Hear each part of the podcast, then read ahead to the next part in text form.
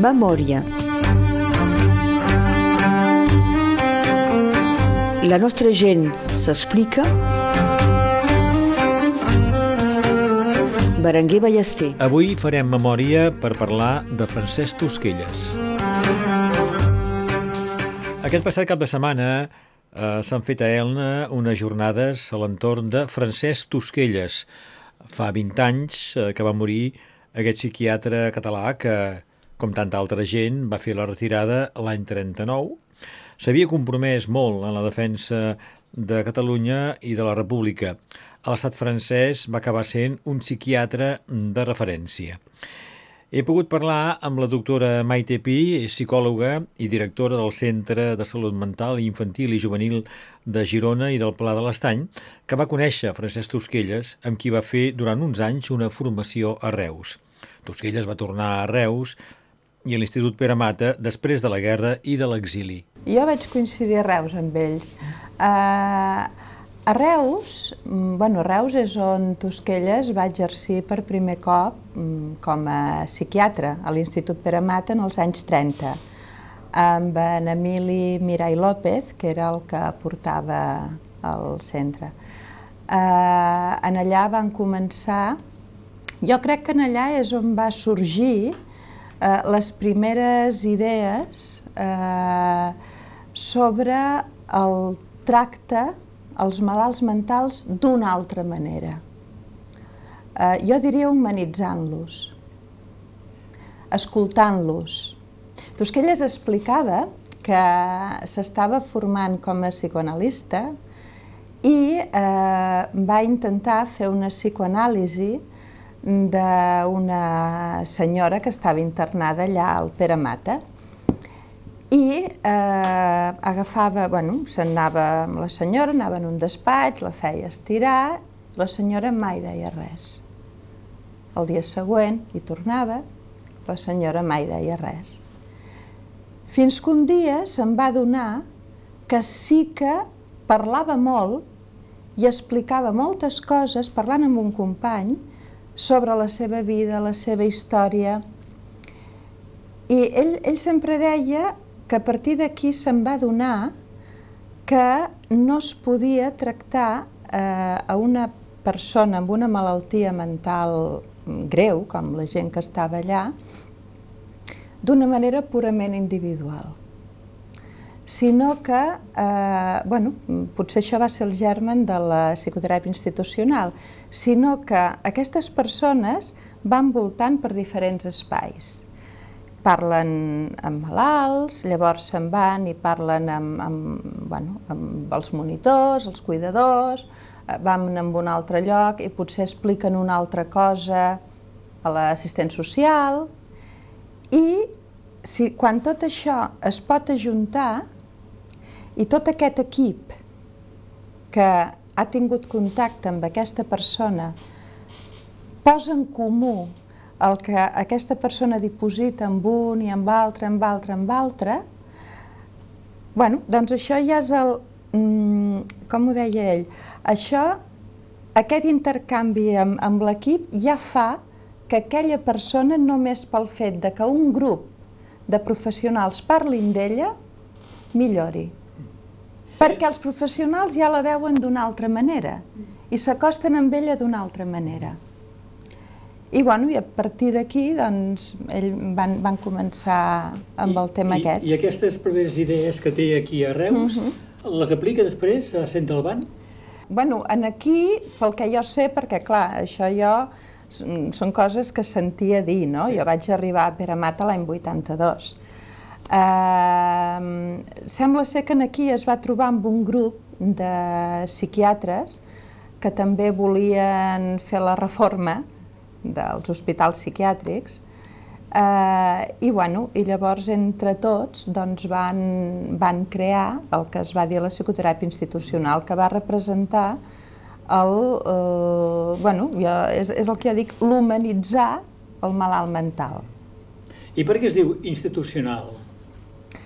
Perquè, aviam si us he explicat d'una manera ben senzilla, perquè té en compte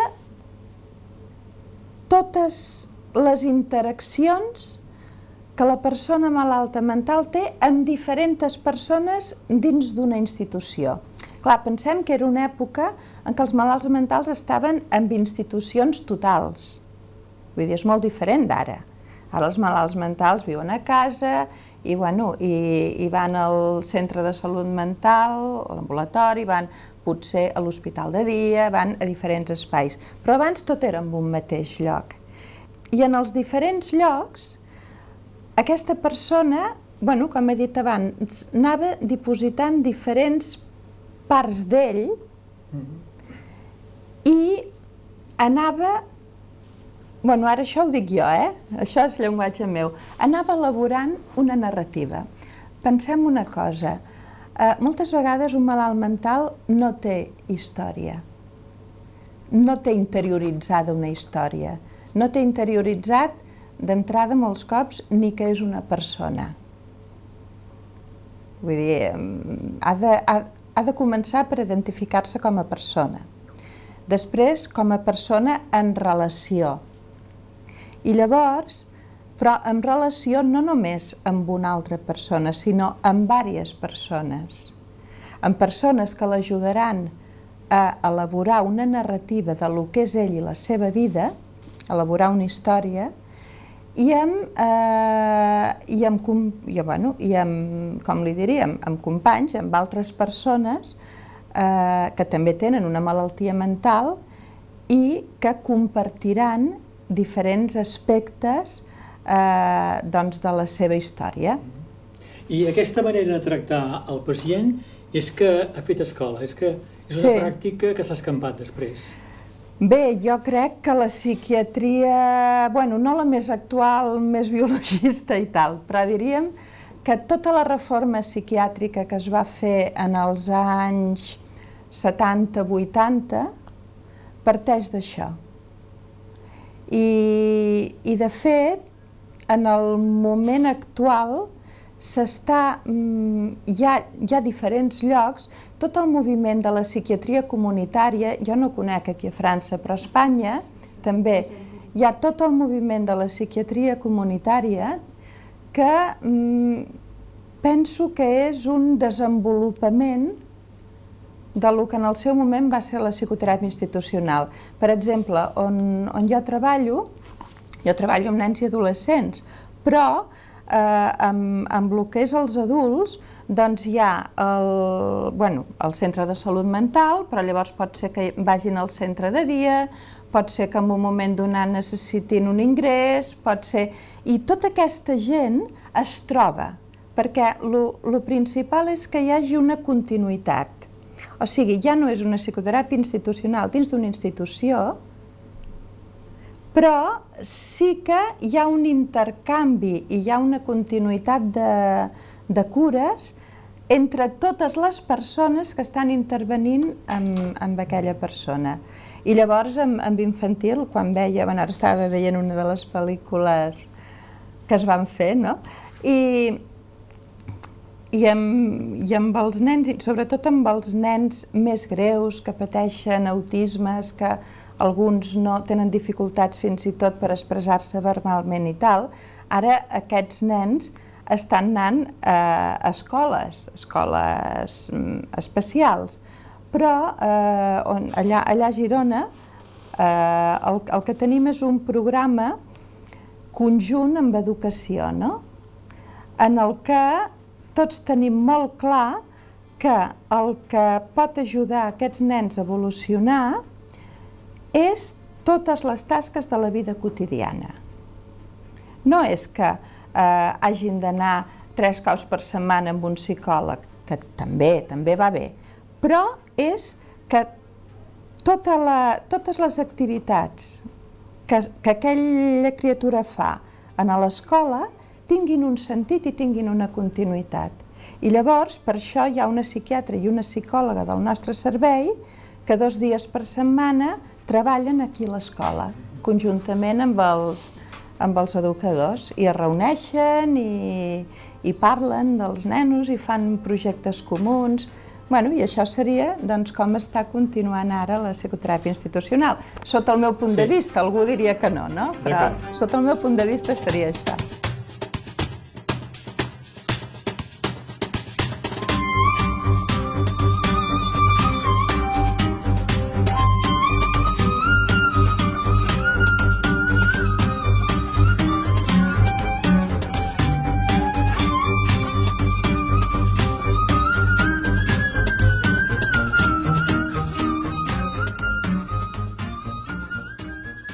Maite Pi recordaré que veu fer una formació, vau seguir una formació Sí. amb ell, el vau conèixer durant temps.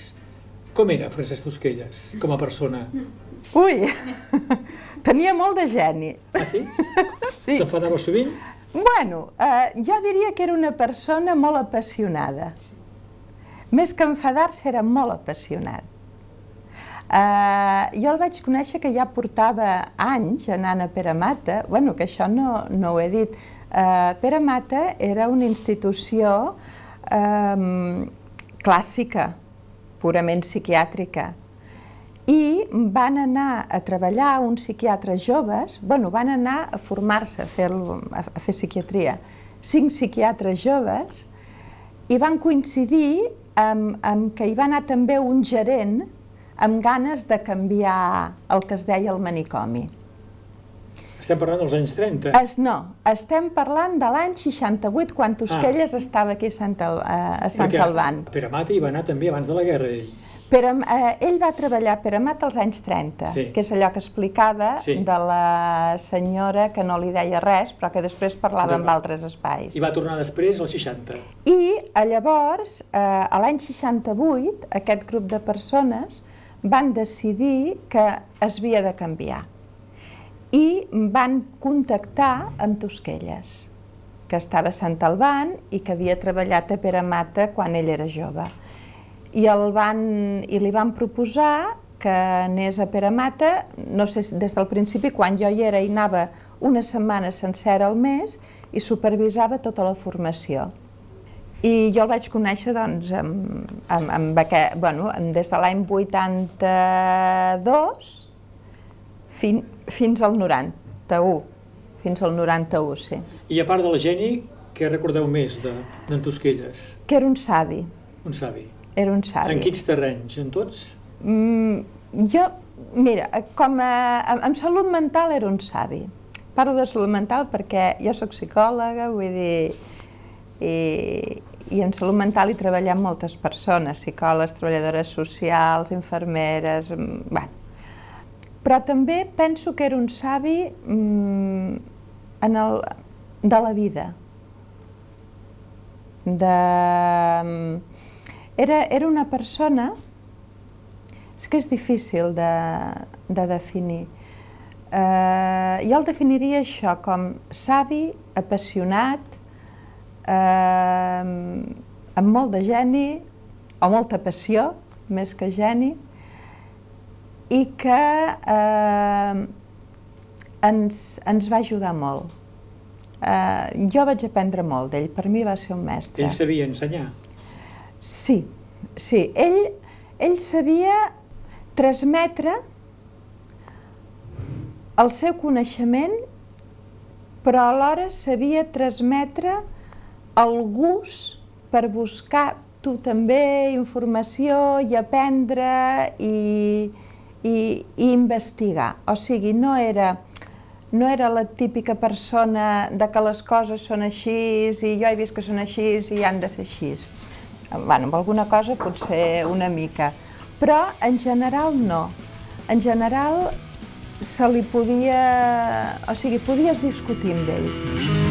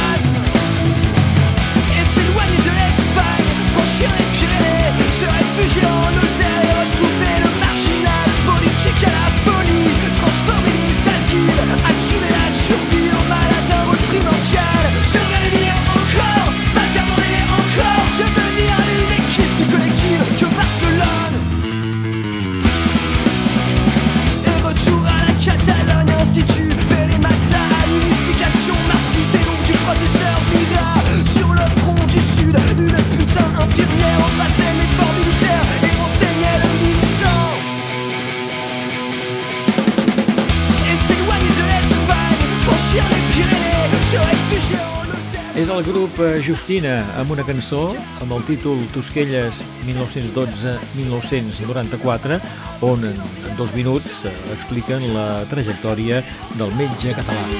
Équipe plus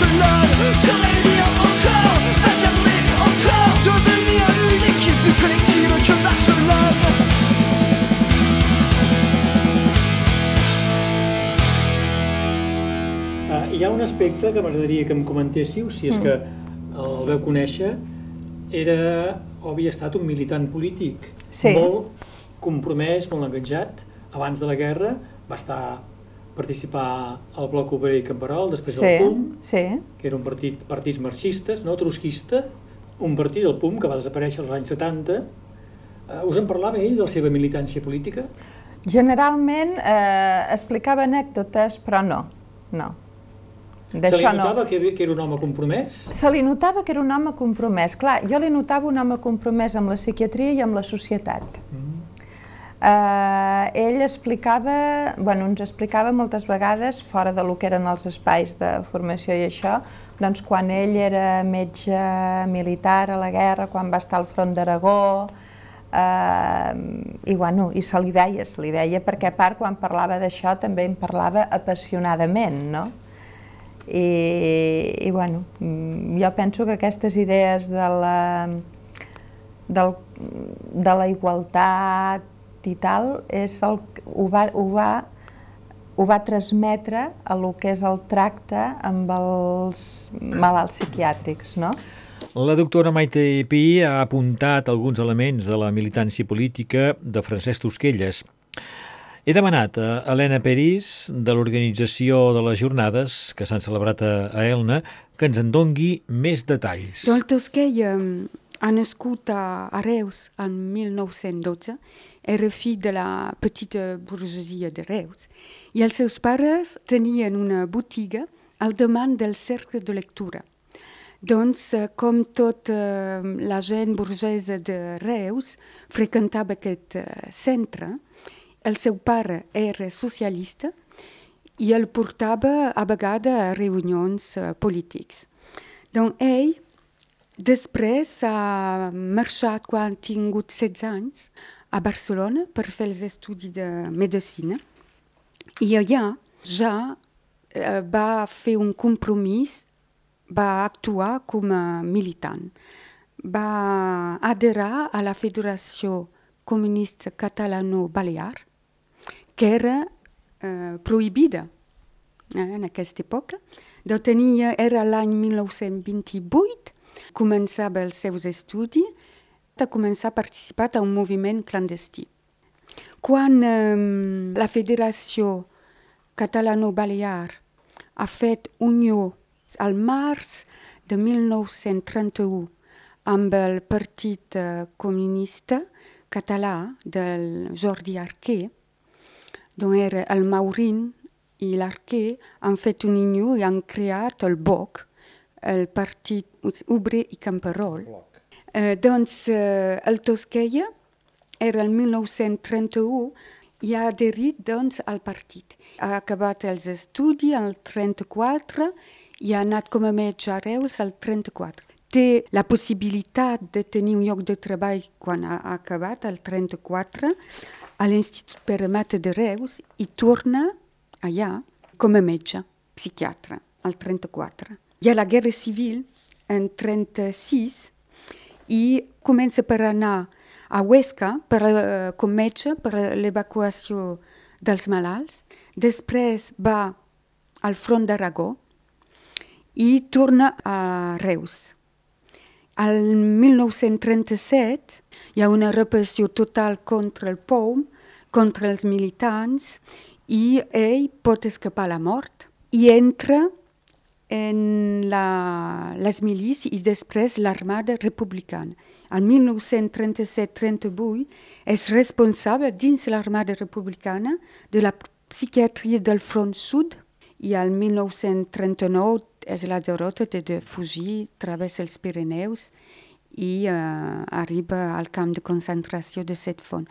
El que hi ha, el que se pot dir és que tot és que diu, que el que ha fet durant la seva militància política al BOC i al PUM, que era un partit on hi havia gent molt diversa, una gent molt heterogènia, i que és allà que ha après la diferència la diferència entre la gent, perquè al POM hi havia gent que venien del PC, hi havia gent del sindicat, molt uh, anarquista, bon, i tota la gent de la federació que era marxista, però hi havia molta diferència.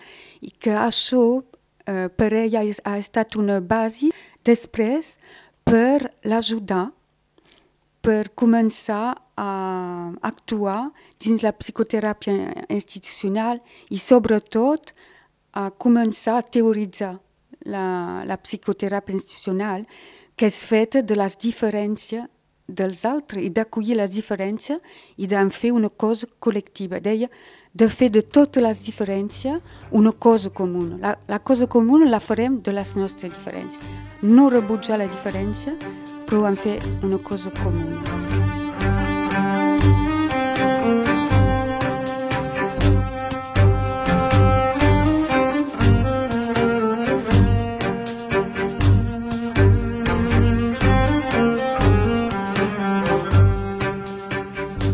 Pi, per acabar aquestes jornades a Elna, per què creieu que són interessants?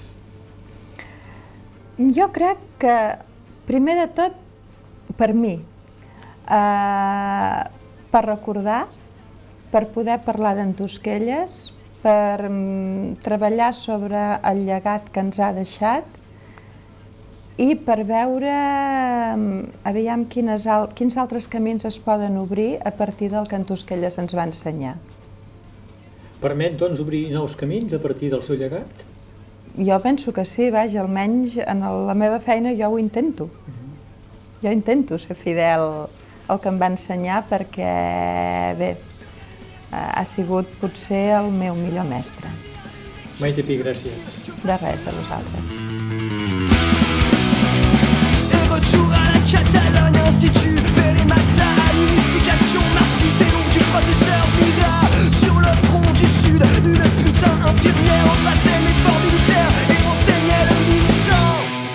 Acabarem aquest especial Francesc Tosquelles amb el testimoniatge escrit de la periodista Mercè Ibars que el va entrevistar. A l'Hospital Pere Mata, el jove Tosquelles va comprendre que el que cura no és tant escoltar l'altre, sinó sentir.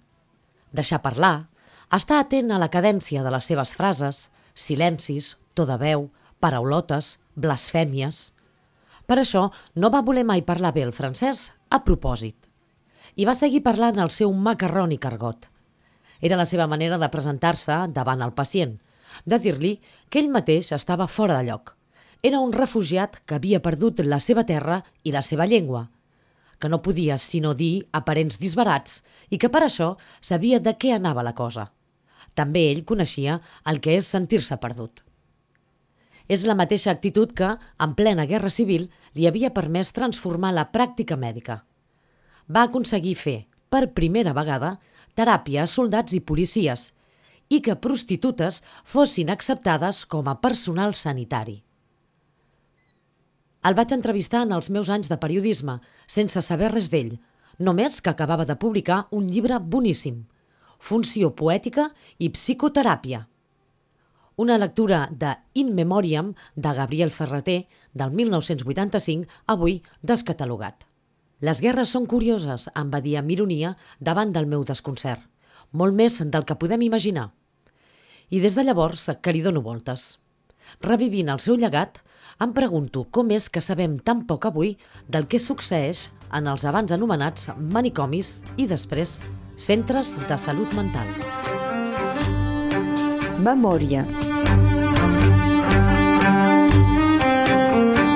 La nostra gent s'explica. Berenguer Ballester.